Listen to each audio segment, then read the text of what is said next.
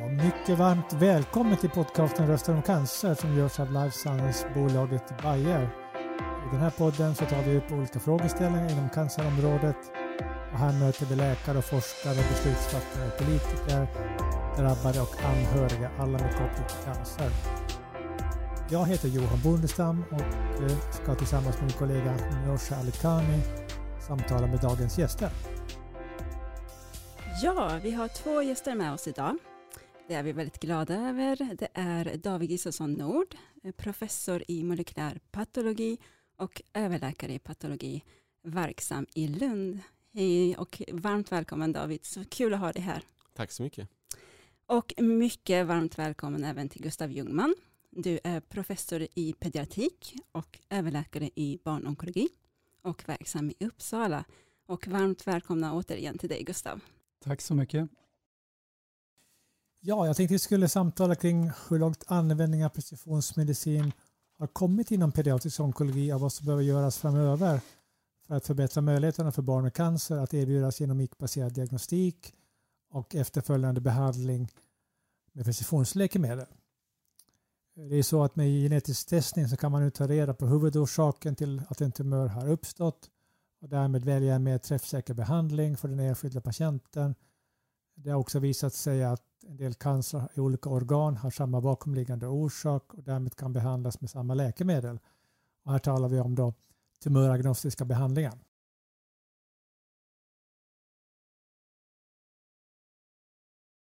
Jag tänkte vi kunde lite allmänt öppna upp en allmän fråga. Vad beror barncancer på egentligen? Ska man säga någonting om det? Eh, ska jag börja? Eh, man kan säga att eh, vi vet att cirka 10 procent eh, beror på ärftliga faktorer och i övrigt så vet vi väldigt lite om orsaker. Vi, tror att det är slumpmässiga förändringar i arvsmassan som leder till tumörer hos barn. Och det är väldigt välundersökt. Man har testat och, och till skillnad då från i vuxenvärlden så, så ser vi inte så, så mycket samband med eh, agen som, som sätter igång tumörutvecklingen som för vuxna till exempel rökning och lungcancer. Ja, precis. Så det är lite mer, lite mer mystiskt hur den här barncancer uppstår kanske. Mm, ja, mystiskt kanske för att man behöver acceptera att man ibland har otur i livet och att det är svårt att prata om orsak och verkan och svårt att prata om, om mm. skuld. Men det du säger Gustav illustreras ju också av att det är ganska jämn och lika insjuknande grad i barncancer över världen. Till skillnad från många andra cancerformer har vi inte de här jättestora geografiska skillnaderna. Som man kan ja, se. Ja, just det. Hur många drabbas egentligen per år i Sverige? I Sverige är det 350, cirka 350 eh, barn upp till 18 års ålder per år som insjuknar i någon typ av tumörsjukdom. Och det är leukemier, det är hjärntumörer, det är andra solida tumörer. Eh, vilka är de, de vanligaste diagnoserna? Finns det någon som är mer vanlig än, än andra? Eh, leukemi är ju en tredjedel ungefär av de här. Eh, men det finns ju olika typer av leukemier. Det vanligaste är akut lymfatisk leukemi som utgör eh, ja, den stora majoriteten. Det kanske är 25 procent och så är det ytterligare ett antal procent, 3 procent, 3-4 procent eh, som är andra. Eh, av totalt och av leukemierna så är det väl 15 procent ungefär som är AML, då, akut myologisk leukemi. Så det är de två stora grupperna. Just det, och sen resten är typ av solida tumörer. Just det. Eh, vi vet ju att lymfomen som är besläktade med leukemierna ganska ofta eh, utgör en ganska stor andel. Eh, men om man räknar in dem bland de solida tumörerna så är det ungefär 40 procent som är solida tumörer. Eh, och hjärntumörerna ligger strax under 30 procent.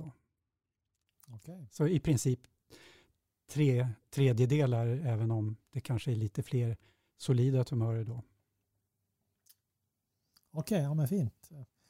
Um, vad är era förhoppningar nu med en storskalig genomikbaserad diagnostik och precisionsmedicin inom cancer, barncancerområdet? Ja, där eh, tror jag man behöver för att skilja upp det som vi kallar för precisionsdiagnostik från det som allmänt kallas för precisionsmedicin. För den stora förhoppningen eh, baserat på väldigt god vetenskap sedan lång tid är ju att eh, vi ska få en bättre diagnostik av barncancer. Att, eh, och i det menar jag både bli säkrare i våra diagnoser och kunna, men också kunna ringa in olika typer av undergrupper av tumörer som har olika prognos och svarar olika på våra vanliga läkemedel. Eh, så det är den, den välgrundade förhoppning vi har, där vi vet att eh, det kommer att eh, ge mycket utdelning att införa de här storskaliga genetiska metoderna som vi arbetar med idag. Man har jobbat väldigt länge egentligen med precisionsdiagnostik i barncancer, mycket mer än i de vanliga vuxencancerformerna. Och det beror mycket på att vi patologer har svårt att känna igen de olika tumörformerna i ett vanligt ljusmikroskop, för de är hemskt lika varandra. Så att eh, ända sedan eh, 80-90-talet har man jobbat med genetiska markörer för att kunna skilja sjukdomarna åt. Och sen efterhand som metoderna har förbättrats har man också liksom gått upp till mer och mer eh, storskaliga och mer och mer precisionsinriktade genetiska metoder. Så det finns en lång historia inom fältet. Men förstås finns ju också förhoppningen om att de precisionsläkemedel, de målstyrda behandlingarna som eh, vi framförallt ser utvecklas för vuxencancer ska kunna göra nytta även för våra patienter. Eh, och det finns ju gott om sådana exempel redan nu och det, det kommer nog att bli fler och fler exempel framöver men exakt hur stor inverkan de här läkemedlen kommer att ha på våra patienter, det vet vi inte än. Det är en, det är en öppen fråga. Gustav, har du några egna förhoppningar kring genomikbaserad diagnostik inom barncancerområdet utöver Davids eh, synpunkter här? Nej, jag, egentligen inte. Jag, jag, kan bara instämma i att jag tänker mig att vi får en annan precision i diagnostiken som hjälper oss att förstå sjukdomarna biologiskt och kommer underlätta hur vi behandlar dem. I dagsläget så har vi ju protokoll för så gott som alla diagnoser eh, Eh, och har då första linjens och kanske andra linjens och till och med tredje linjens evidensbaserade behandling. Just i dagsläget så är den största eh, vinsten eh, när vi hamnar utanför det, när, när det är återfall där man har testat olika eh, evidensbaserade vägar och inte har något, eh, någon grund för den fortsatta behandlingen. Och där har vi redan idag eh, många exempel på att, att det kan tillföra mycket. Ehm, David, eh, kan du berätta lite mer om den eh, storskaliga genanalysen som är mer aktuell för inom barnonkologi? Mm, precis, den, den analys som eh, idag kan erbjudas de barn som insjuknar med cancer i Sverige, något som kallas för helgenomsekvensering. Och det innebär, precis som det låter, att man läser av nästan hela arvsmassan eh, med hjälp av sekvenseringsutrustning och sen en omfattande dataanalys som eh, kräver stor beräkningskapacitet. Eh, och alla föds vi med olika genetiska varianter som vi har. Eh, många har ärvda från våra föräldrar och kanske speciella för vår släkt. Och eh, de varianterna kan ställa till det ganska mycket och förvirra den dataanalys som man gör och därför är det också viktigt att man tittar på ett prov från vävnad utan cancer. Och jobbar vi med solida tumörer så tar man därför typiskt också ett blodprov och som man har som filter och tar bort sådana här varianter. Eh, men eh, det här blodprovet kan också ge oss extra information och då kommer vi in på det som Gustav berättade om att man, vi använder också det för att kunna se efter om det finns några kända eh, genetiska faktorer. De behöver inte vara ärftliga, de kan bara vara medfödda. Men genetiska faktorer som dels kan förklara cancer men som också kan styra hur vi ger vissa läkemedel. Till exempel kan man se känslighet för cellgifter eh, eller strålning som gör att man behöver ändra sitt behandlingsprotokoll. Och varför används inte det i lika stor skala inom vuxenonkologin?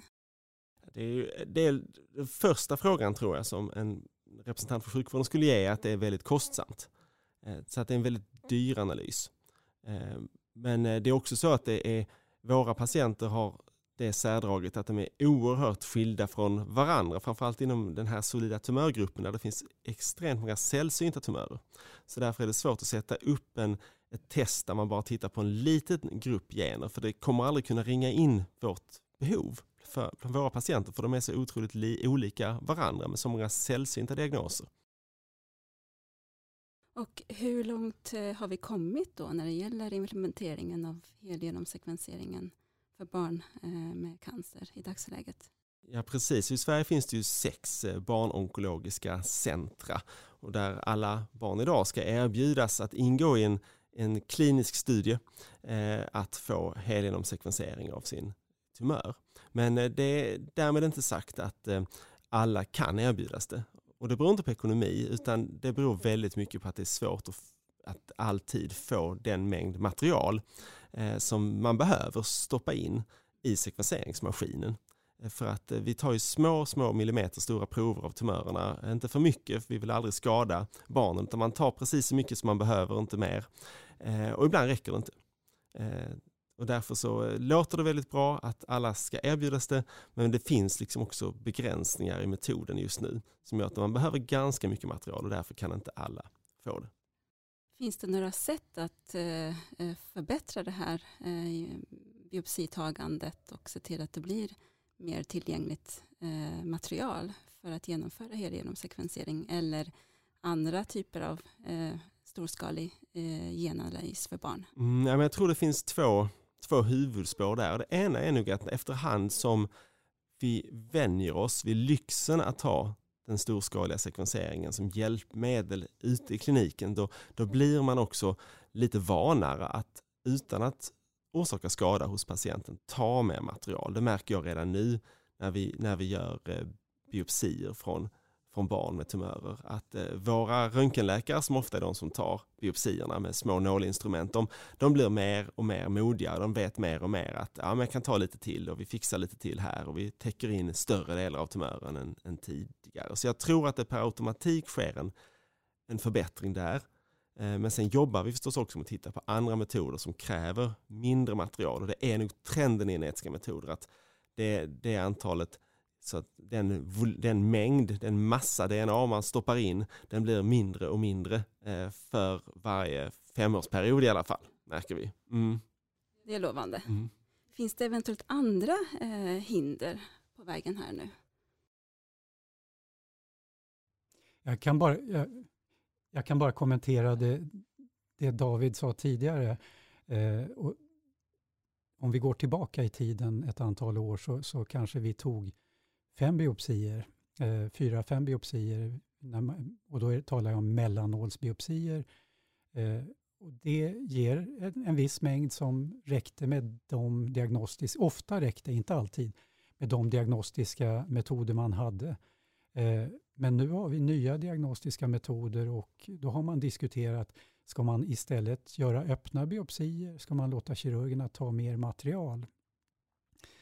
Eh, det finns, det är naturligtvis positivt om man får material, men eh, de här biopsierna som man gör, mellannålsbiopsierna, är väldigt attraumatiska. och jag tycker att det är en väldigt stor fördel. Och standard hos oss idag i Uppsala att vi tar 8 till 10 biopsier eh, varje gång man gör, tar, eh, biopserar en tumör om det inte är så att det börjar blöda eller är något problem. Så eh, det har, precis som David är inne på, förskjutits hur, hur man ser på det och vad man tycker är lämpligt och rimligt. Nu bröt jag in, du hade någon fråga till där om eh, Nyårsha, vad var det, det sista? Det var eventuellt om det finns andra hinder på vägen här nu. Ett hinder förstås är, är ju eh, ja, samhällsekonomin och sjukvårdsekonomin. Så att det här projektet som vi arbetar i, det som kallas för GMS barncancer, eh, har ju den otroliga fördelen att dels eh, ha eh, eh, ekonomiskt stöd från Barncancerfonden en, en intentionsförklaring och stötta projektet först helt eh, i kostnader och sen delvis under fem år, vilket är fantastiskt. Utan Barncancerfonden hade vi aldrig suttit och pratat om detta. Eh, men vi har också eh, fått medel från Socialdepartementet i, först för förra året och nu för i år eh, som gör att vi är väl finansierade. Eh, men eh, med intentionen inte minst att, att använda oss som pilot för att se efter hur de här metoderna skulle kunna funka för vanlig vuxencancer så att säga också. Det är mycket tydligt från regeringens sida att det är det man vill undersöka. Ehm, och det, det är klokt förstås, tycker, tycker vi, att man använder oss som ett strategiskt instrument för att titta på en större patientgrupp. Men hindret är förstås att eh, finanserna upphör. Ehm, för att förr eller senare så måste sjukvårdsregionerna göra en bedömning om det här ska tas över och finansieras av vanliga regionala skattemedel eller inte. Och det vet vi inte hur det ser ut idag. Det, det beror inte bara på hur, hur väl vi levererar i projektet och hur, hur vetenskapligt viktigt det här visar sig vara, utan det beror förstås också på den samhällsekonomin i stort. För det här är ju, det konkurrerar ju med andra medel i vården naturligtvis. Och eh, vår förhoppning är ju att det här ersätter en del av de undersökningar som man idag gör och därmed inte bara är en extra kostnad. Eh, men jag tänker också att vi kommer lära oss mycket. Det, vi kanske inte behöver göra det här på alla barn med cancer framöver, utan vi kanske lär oss eh, var vi har störst nytta av det. Och eh, på det viset kommer vidare. Jag tror ändå att det här kommer vara en väldigt stor del av, av hur vi jobbar framöver. Men jag kan tänka mig att det, när vi passerar projekttiden eh, utkristalliserar sig ett mönster för hur vi mest effektivt använder medlen. Mm. Och min förhoppning är att kostnaderna för metoden har gått ner så pass mycket så det kanske inte blir fullt så, så dyrt som vi, tror, vi trodde när vi började projektet. För att det finns ju en, en utveckling mot att det blir billigare och billigare att helgenomsekvensera eh, vävnad. Mm. Finns det i dagsläget någon slags eh, analys gjord när det gäller det kliniska värdet av eh, den kohorten som har fått eh, genomgå helgenomsekvensering? Ja, vi, vi jobbar på en preliminär analys eh, och då sammanställa Eh, de patienter som har eh, sekvenserats under, eh, från projektstart juni 2021 fram tills nu när vi liksom stängde för den kohorten i början av, av april i år 2022. Då är det 130 patienter som finns med där från alla, svensk, alla sex barnonkologiska centra. Och, och, där ser vi ju att det, det är ju hos en majoritet av patienterna så finns det ett kliniskt värde i form av att man Eh, förfinar eh, diagnostiken, att man kan subgruppera patienten i en viss grupp eller att man till och med hittar ett behandlingsmål. Vi har en handfull sådana patienter där vi har hittat behandlingsmål. Eh, och, eller att man helt enkelt bara bekräftar den diagnos man redan kände till utan att det egentligen får några ytterligare konsekvenser. Det är väldigt sällsynt att man inte har något som helst ytterligare informationsvärde, alltså att man inte hittar någonting av värde. Det är en minoritet av patienterna. Kan lägga till också att de vi tittar på nu det är ju hjärntumörer och solida tumörer. Eh, medan eh, barn med leukemi eh, ligger lite efter i projektet men är igång nu och, eh, och vi har börjat sekvensera även leukemierna. Så alla barn med cancer erbjuds detta idag. Men i vår analys nu så ingår eh, då inte leukemi gruppen. Mm, så är det och där, eh, där, finns, där ska man nog flagga för att det är liksom det här värdet, det kliniska värdet kanske kommer att vara lägre helt enkelt för att man har så mycket genetisk diagnostik med andra metoder redan Eh, inför barn med, med leukemi. Och de, det tar nog tid innan man så att säga släpper de metoderna till förmån för en helgenomsekvensering. Medan för de många av de solida tumörerna så är det det här, framförallt på många centra som inte har lång forskning inom fältet, där, där har man aldrig gjort det här tidigare i någon form och då, då blir det en stor förbättring. Jag tänker, hur ser infrastrukturen ut eh, och tidslinjer från biopsi, eh, diagnos, prognos, behandling i dagsläget? Ja, eh, just nu så är det, det här är inte, eh, vårt mål är att man liksom ska kunna i princip ha den genetiska analysen av tumören och en första analys av, av eh, medfödda genetiska förändringar färdig inom loppet av kanske cirka två till tre veckor. Och det är ungefär då liksom den vanliga patologin liksom på en solid tumör blir alldeles klar. För man har alltid någon sista extra specialfärgning man inväntar eller någon, någon äldre genanalys då som man förr brukade göra. Så det, det är ungefär samma tidsramar. Men eh, hittills är vi inte där utan det handlar om fler veckor ska man säga. Och det som oväntat nog tar längst tid eh, är inte det tekniska och det är inte databearbetningen och det är inte bristen på, eh, på patologer Eh, som också kan flaggas för ibland, utan det, det, är att det är svårt att hitta ett bra tillfälle att fråga om informerat samtycke och vara med i studien. Och det tror jag Gustav har mer att berätta om. Ja, men det, det är ju så att, att det i den kliniska vardagen är, är väldigt intensivt. Inom barnonkologin så har vi, det är ju lite av en framgångssaga. På, om vi går tillbaka till 50-60-talen så kanske det var 10 procent som överlever och idag är det 85 och vi är väldigt stolta och glada över det där. Men hela tiden så lär vi oss nya saker vi kan göra och vi lägger till och vi lägger till. Och det, det blir lite eh, arbetsvillkoren är rätt tuffa eh, på många håll. Och, och eh, varje ny sak som man lägger till eh, blir lite belastande förstås. Och en del är det här med information och inhämtande av samtycke för familjer.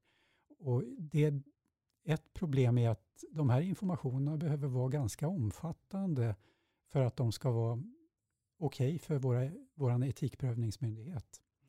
Eh, men det blir så mycket information, det är så många projekt. För barn med cancer så ska man tillfrågas om man kan tänka sig att vara med i barncancerregistret och sen i ett nordiskt register som heter No4Care och så ska man vara med i, i GMS eh, Eh, projektet och man ska vara med i Barntumörbanken och det kan vara ytterligare saker. Och det vi inom barnonkologin ibland känner är att, att eh, varje projekt, projekt för sig känns rimligt och bra men summan av det blir lite mycket och det blir lite mycket för familjerna ofta inför eh, att de eh, samtidigt står inför att deras barn ska opereras eller utredas för en elakartad tumör.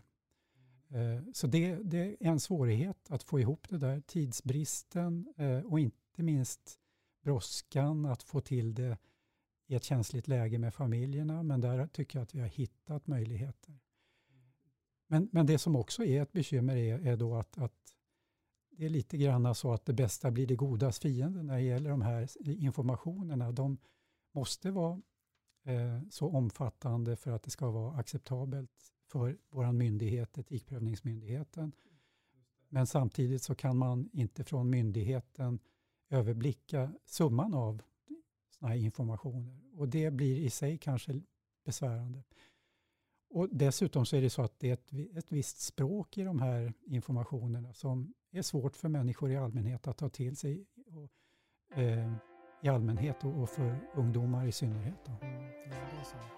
En, en eh, fråga som jag funderar på ibland är hur, hur går den här förflyttningen, om man nu får använda det lite slarviga ordet, från, från barn onkologin till vuxen sida. Jag tänker att eh, som, som individ får man en ny, ny läkare, kanske ny vårdpersonal. Hur, hur föds det på så smidigt sätt som möjligt för, för, för individen?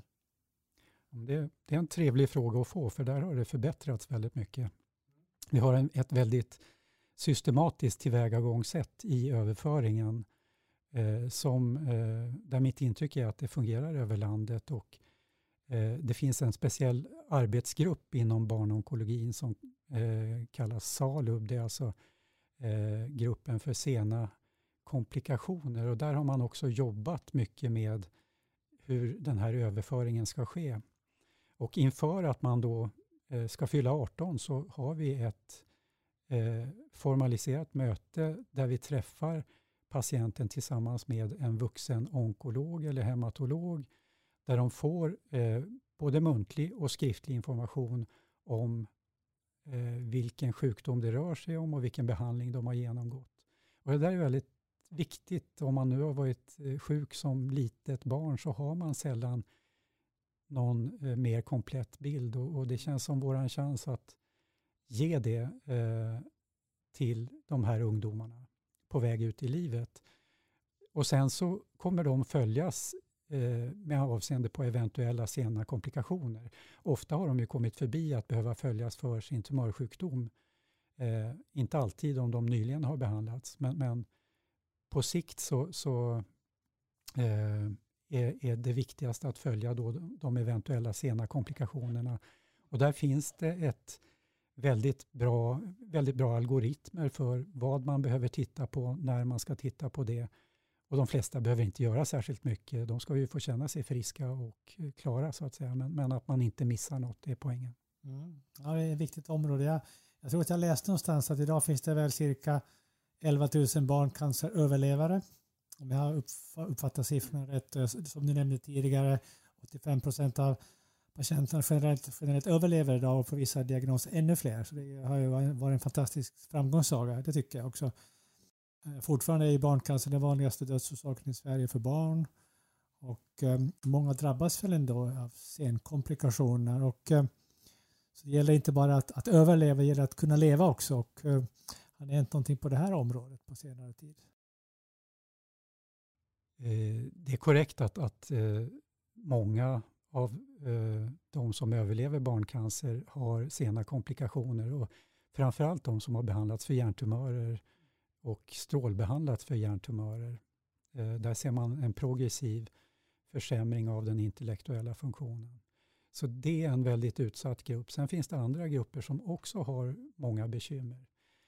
De flesta har inte så mycket, men nästan alla har någon, någon slags komplikation. Men de flesta lever ett förhållandevis normalt liv.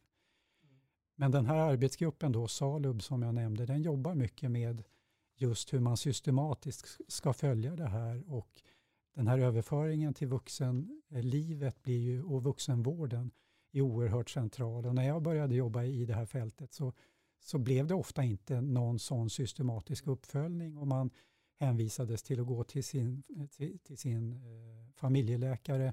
Och för en familjeläkare är det väldigt svårt att ha grepp om vad det kan vara för komplikationer. Så det är väldigt viktigt att, att, att det finns kunskap i organisationen som tar över också.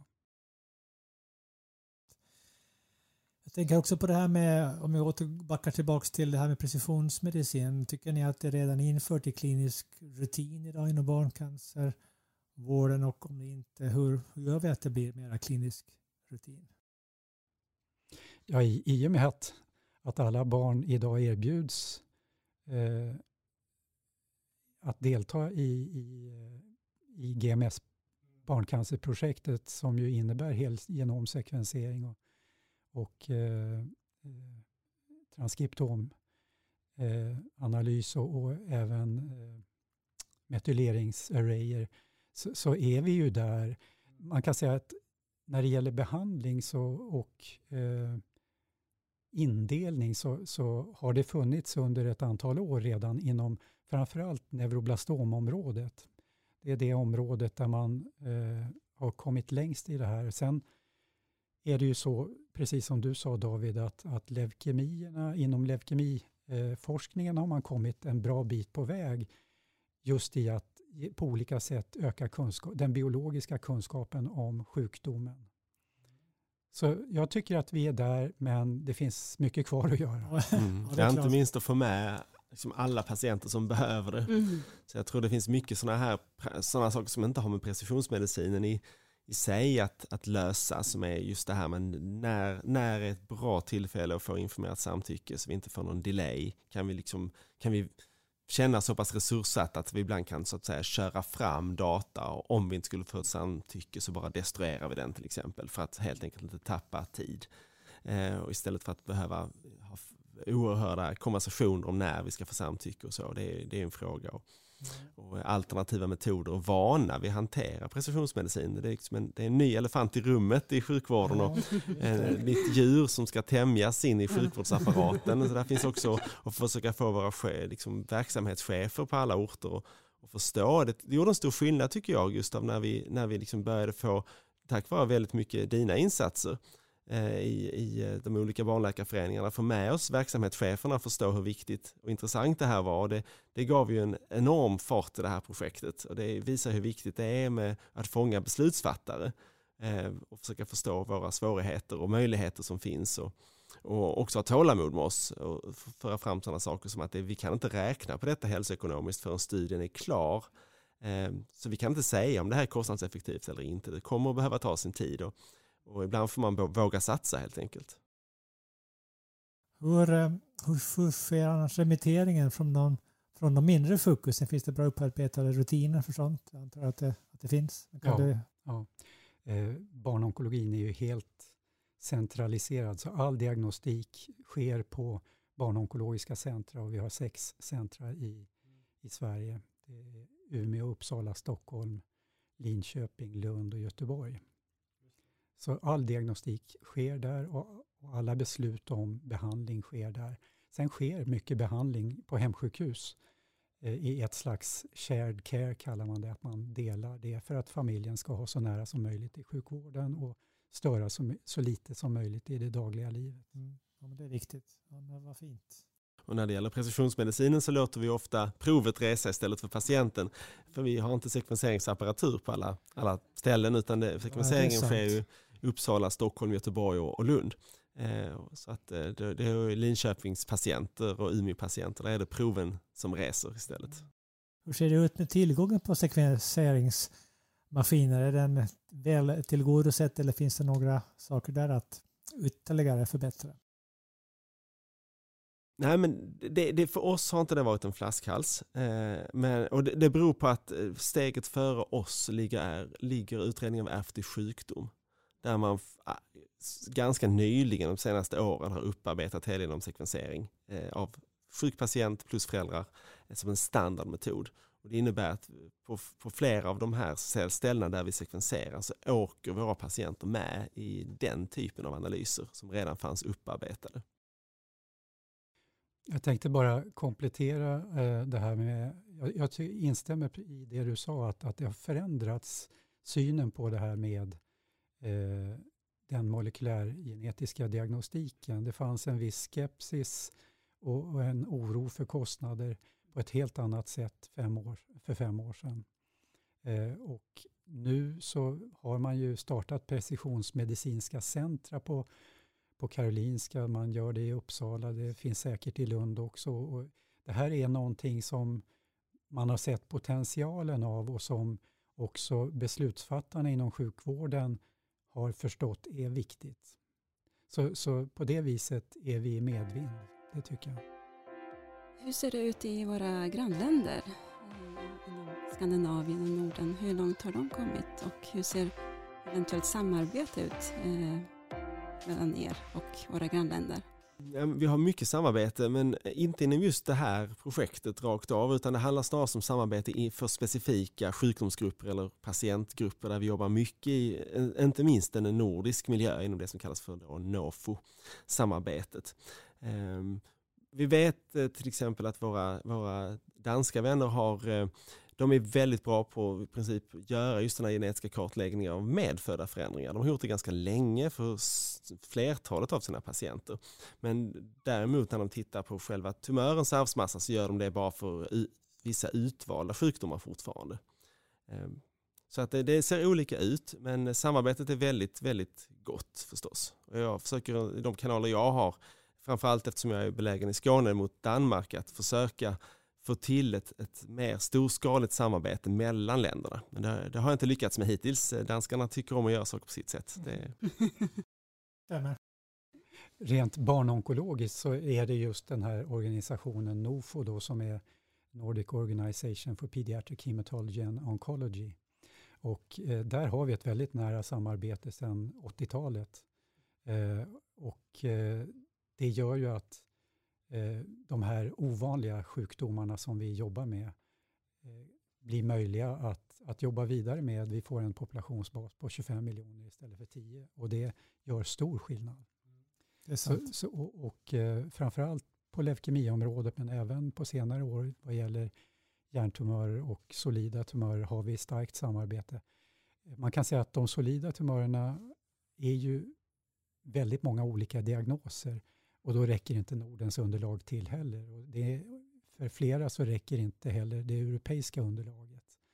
Och då samarbetar vi i vissa sammanhang, eh, även transatlantiskt, eh, på, ett, på ett förtjänstfullt sätt. Och jag tror att det som gör det här samarbetet möjligt är att, att det verkligen är de få talens sjukdomar och att insatserna är höga. Vi måste liksom komma vidare och det kan vi bara göra tillsammans. Man får säga att internationellt sett så har det varit ett ganska stort intresse just för det här svenska projektet som vi pratar om här. Och, och för att det som är udda och, och speciellt är att eh, vi vill ha med alla eh, oavsett diagnos. Eh, och engelsmännen har ett liknande koncept. De har rapporterat ett 30-tal patienter där man liksom försöker få med alla som en sorts koncept. Eh, men eh, annars så är det ju för det mesta så att man väljer ut patienter, så som vi har gjort ganska länge här, som är, har hö, där man antingen har fått ett återfall eller har väldigt hög risk för återfall eller sjukdomen inte alls svarar för på behandlingen. Det är en minoritet av patienterna. Och sen eh, får de gå till väldigt stora centra på olika håll. Det finns sådana studier från USA, från Australien och från Tyskland till exempel.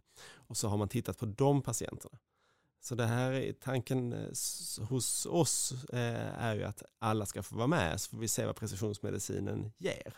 Och det är ett väldigt annorlunda koncept för vad som görs ute i världen. Mm, håller med, det är unikt och, och världsunikt egentligen. Ja. Spännande. Eh, hörni, om vi skiftar lite grann spår här, eller kommer in på en annan tanke jag har. Det här med sekundärdelning av data, hälsodata, det är ju också en fråga som debatteras och diskuteras väldigt flitigt. Eh, det är, jag brukar säga att det är en viktig förutsättning för att man ska nå ut med precisionsmedicin fullt ut. Um, vad finns det saker där som, som du tycker behöver förbättras och krävas för att det ska, verkligen ska nå ut fullt ut? Ja, sekundäranvändning då som forskning till exempel. Så man, det finns vissa saker man kan göra själv inom ett projekt eh, som man bör göra själv. Till exempel att från början titta på de tillstånd man behöver för att just kunna göra både klinisk implementering och forskning. Båda samtidigt. Eh, och vara redo för båda. Eh, och det, det ansvaret får man ha själv inom ett projekt tror jag som det ser ut idag. Men sen måste jag säga att det arbetas nu eh, på oerhört många olika håll i Sverige för att jobba med datadelning. Både den juridik som behövs och de tekniska lösningar som behövs. Senast idag hade jag träffat en representant för E-hälsomyndigheten som har börjat jobba med de här frågorna. Eh, så att jag tror snart här när det gäller delning av hälsodata att där bör man nästan akta sig för att inte börja jobba parallellt med någon annan annat projekt. Ehm, GMS jobbar mycket med det i stort eller med någon annan myndighet för att det här är, nu har det kommit så högt på den politiska agendan så det jobbas med det på otroligt många håll. Mm. Så jag tror ju nog att vi kan väl rida på den här vågen tror jag. Och man får också säga att vad gäller enskilda patienter har vi också lärt oss genom att pressa regelverket vad man får göra. Att när det gäller ett kliniskt fall då vet vi att precis som när man skickar vävnad till ett annat landsting för att få en experts utlåtande så kan vi också idag skriva en remiss och så skickar vi data enligt på säker krypterad länk till ett annat landsting och så får vi ett svar enligt sjukvårdens kanaler och det, det kan vi göra. Utan det är just forskningsanvändningen där vi behöver rigga saker i förväg juridiskt så det finns med informerat samtycke till patienten och sen tror jag att vi får rida på vågen lite grann. Eh, vi, vi, tar, vi driver inte den frågan själva aktivt för det görs på så många håll. Det låter glädjande. Ja, nej, för forskningen så uppfattar jag att, att vi har möjligheten inom vårt projekt att dela data. Mm. Men däremot så kan man inte dela data mellan regionerna eh, om det inte är som en del av ett sjukvårdsarbete som mm. vi var inne på. Och det tror jag regleras av lagstiftning. Man försöker ändra på det både på europeisk nivå och svensk nivå. Men det tar ganska lång tid mm. har jag förstått. Så, så det, ja, men man är medveten om de här problemen där. Och det jobbas ju till och med på EU-nivå, så jag tror om det var igår eller i förrgår så släpptes ju liksom texten för liksom lagstiftning kring eh, European Data Space. Mm, där, man, eh, där man då uppmuntrar väldigt mycket till fri delning av inte minst forskningsdata över EU-länderna. Men det projektet har, eller inte projektet ska jag säga, utan den lagstiftningen eh, har, har inte riktigt vågat, vad jag har förstått, röra vid den besvärliga frågan vi har som sysslar med storskalig genetisk data, nämligen att arvsmassan eh, inte går att anonymisera. Mm. För du kan ju sitta med den här sekvensen eh, någonstans i världen som du har fått i ett forskningsprojekt och om du inte, och inget, ingen kan ju riktigt hindra dig från att lägga ut det där i en, eh, en släktforskningsdatabas. Och då kan du ju faktiskt hitta familjen. Så att där har vi ju liksom ett, ett, ett, ett problem, en nöt att knäcka som är svårare än de flestas. Mm och då ska man samtidigt tänka på att det finns länder idag som i praxis hemligstämplar sin genetiska data för till exempel kinesiska eh, Folkrepubliken Kina, de släpper ju ingen genetisk data på sin population ska du använda det av ett kinesiskt företag för att sekvensera arvsmassan inom ett forskningsprojekt så måste du intyga att det inte finns någon av kinesisk härkomst i det projektet. För att den datan ska inte de bidra till att den släpps fri. Så att genetisk data blir mer och mer en strategisk liksom resurs i ett geopolitiskt spel. Så att det här är en fråga jag kan säga att vi, vi, det, vi får helt enkelt följa med eh, och göra vårt bästa och värna om våra patienter. Och, det gör ni med, med den stora äran. Så att eh, det, det är ett känsligt tema där, jag, jag förstår det.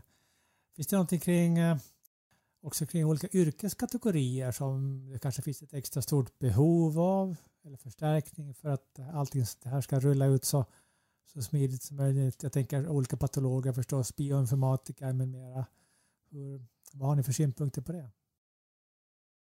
Bioinformatiker tänker man ju raskt är en väldigt viktig grupp där behoven har ökat dramatiskt och, och det är väl, där har vi väl en flaskhals för att, att få bra flyt. Sen, eh, sen så behövs ju alla, det är barnpatologer eh, saknar man ibland eh, och eh, ni kämpar. Mm, och forskningssjuksköterskor är ju en, eh, precis som det Gustav beskrev om alla de här tillstånden och informerat samtycke där forskningssjuksköterskorna är en superviktig grupp. Och sen tror, men sen tror jag att alla vi liksom vanliga doktorer också, det är ju, vi behöver både utbilda oss själva och andra på de nya metoderna. Det är liksom som, som framtida patolog kommer jag att behöva kunna oerhört mycket molekylär eh, genetik. Men det, personer måste också vara kompis med att jobba med artificiell intelligens för att det är också något som kommer att komma starkt inom vårt fält. Så man, det, det är liksom en annan typ av expertis vi kommer att behöva men inom specialiteten. Ytterligare en grupp som jag tänker blir viktig nu, eh, inte minst när vi kartlägger genetiken lite mer, genetiska vägledare mm. och kliniska genetiker. Eh, det, det, finns inte så väldigt många i Sverige så att eh, där är behovet stort också. Och det tar ju tid att utbilda. Så att, ja, exakt. Jag läste här häromdagen tror jag, eller häromveckan att nu ska även precisionsmedicin införas i utbildningsprogrammet för ST-läkare. Så det är väl en, en bra, bra bit på vägen. Att få den yngre generationen också att få förståelse för området. Men just den yngre generationen är snabbt med på tåget tycker jag. Ja, mm. exakt. Skönt att höra, ja, härligt. Ja. ja, det är fint. Um, ja, David, initialt så pratade vi lite om eh, predisposition, disposition, eh, det vill säga eh, eventuellt medfödda orsaker då, eh, som kan öka risken för eh, utveckling av cancer hos barn. Då. Finns det fördel att kartlägga dessa eventuella medfödda orsaker och göra det tidigt? Jo, eh, det finns ju flera eh, skäl till att vi gör det inom projektet där vi vet att det kan göra klinisk eh, nytta. Ehm, en, en orsak som är väldigt praktisk är förstås det här just med att det kan också flagga för vilken typ av läkemedelsbehandling som den här patienten passar bäst för. Det finns en del ärftliga syndrom som där, där DNA tar väldigt stor skada av strålning till exempel, där vi behöver undvika strålning i behandlingen och kanske använda andra, andra behandlingssätt. Ehm, så det är ett väldigt praktiskt exempel på där, där det är viktigt, där liksom förklaringen till cancern också flaggar för en viss behandlingstyp som är olämplig. Ehm, men sen handlar det förstås också om att det kan, ibland kan det vara ärftligt. Medfött är inte samma sak som ärftligt, man kan ha det man kallar för en ny mutation. Man föds med förändring men den finns inte i släkten i övrigt. Ehm, men ibland kan det vara ärftligt och då kan det förstås eh, vissa av de Eh, genetiska förändringar vi hittar för flagga för att det finns en, en ärftlig predisposition hos andra individer i släkten. Och då kommer just den här genetiska vägledningen som Gustav har nämnt in och man behöver göra en klassisk genetisk vägledning med, med liksom spårning av anlagen i släkten och, eh, och predispositionstestning. Och det kan man ju förstås hitta hos eh, andra släktingar än cancer i tid. Till exempel kan ju dubbla kopior av bröstcancergener predisponera för barncancer. Och då kan man ju då hos individer i helt andra åldrar eh, tidigt upptäcka bröstcancer eller göra vita förebyggande åtgärder eh, i den släkten. Så att det är ju, men sen kan, kan det också finnas en psykologisk vinst att veta att detta var skälet till att mitt barn fick cancer. För föräldrarnas del, det här var inget jag kunde göra någonting åt. Eh, jag tror Gustav har mer att berätta ja, här. Det... Det, det här är ju ett område som är lite ja, som diskuteras inom barnonkologin en hel del och, och inte bara inom barnonkologin utan hos alla, eh, inom alla grupper som arbetar med i fältet. Och, eh, jag tror att vi är helt eniga om att i det, de fall där det finns evidens för att man gör nytta med att eh, följa upp och skrina eh, så är det värdefullt. Men eh, det är inte så jätteenkelt att bena upp när det finns evidens. Människor tycker olika.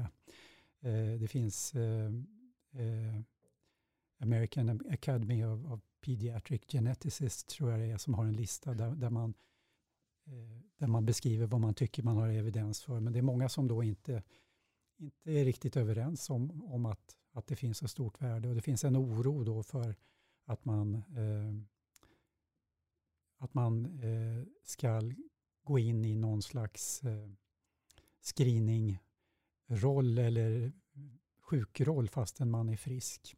Så det är väl grannlaga att, att se till att, att man gör nytta med det man eh, gör och vår ambition här är ju att om vi inte vet att vi gör nytta så, så drar vi ju inte igång något eller informerar om det.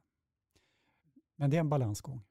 Och det är också så att bara för att det inte finns evidens idag så, så, betyder det inte att, att det inte är värdefullt. Vi vet ju att det är värdefullt att, att upptäcka de flesta tumörsjukdomar så tidigt som möjligt.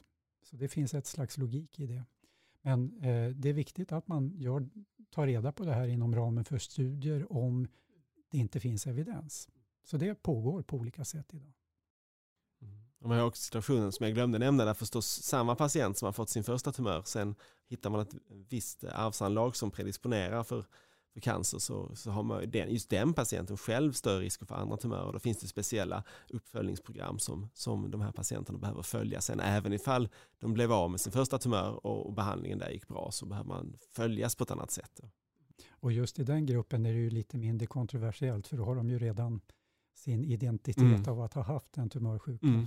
Nej, det är just den här evidensen du, pratar om Gustav, där vi inte riktigt, där vi tror att vi sätter in ett, ett uppföljningsprogram som verkar mm. bra, men vi mm. vet ju inte riktigt hur stor mm. nytta det gör. Är det för sällan eller för ofta som vi gör MR? Och det är ju skakig grund för det. Men något måste vi göra. Men där är det ju så viktigt då att man har genetiska vägledare med kunskapen eftersom det här får konsekvenser inte bara för det här enskilda barnet utan för familjen runt omkring mm. också. Så det måste göras med stor omsorg. Hörrni, tiden rullar på när det är spännande diskussioner. Vi kanske ska ta avrunda lite grann. Stort tack för att ni ville ställa upp här. En liten avslutande fråga till er båda. Vad hoppas ni mest ska ske framöver inom området precisionsmedicin och barnonkologi? Vad säger du Gustav? Jag hoppas ju att, att vi ska få bättre diagnostik och prognostik och bättre behandlingar, mer skräddarsydda behandlingar som med färre bieffekter och bättre effekt. Det, det är målet.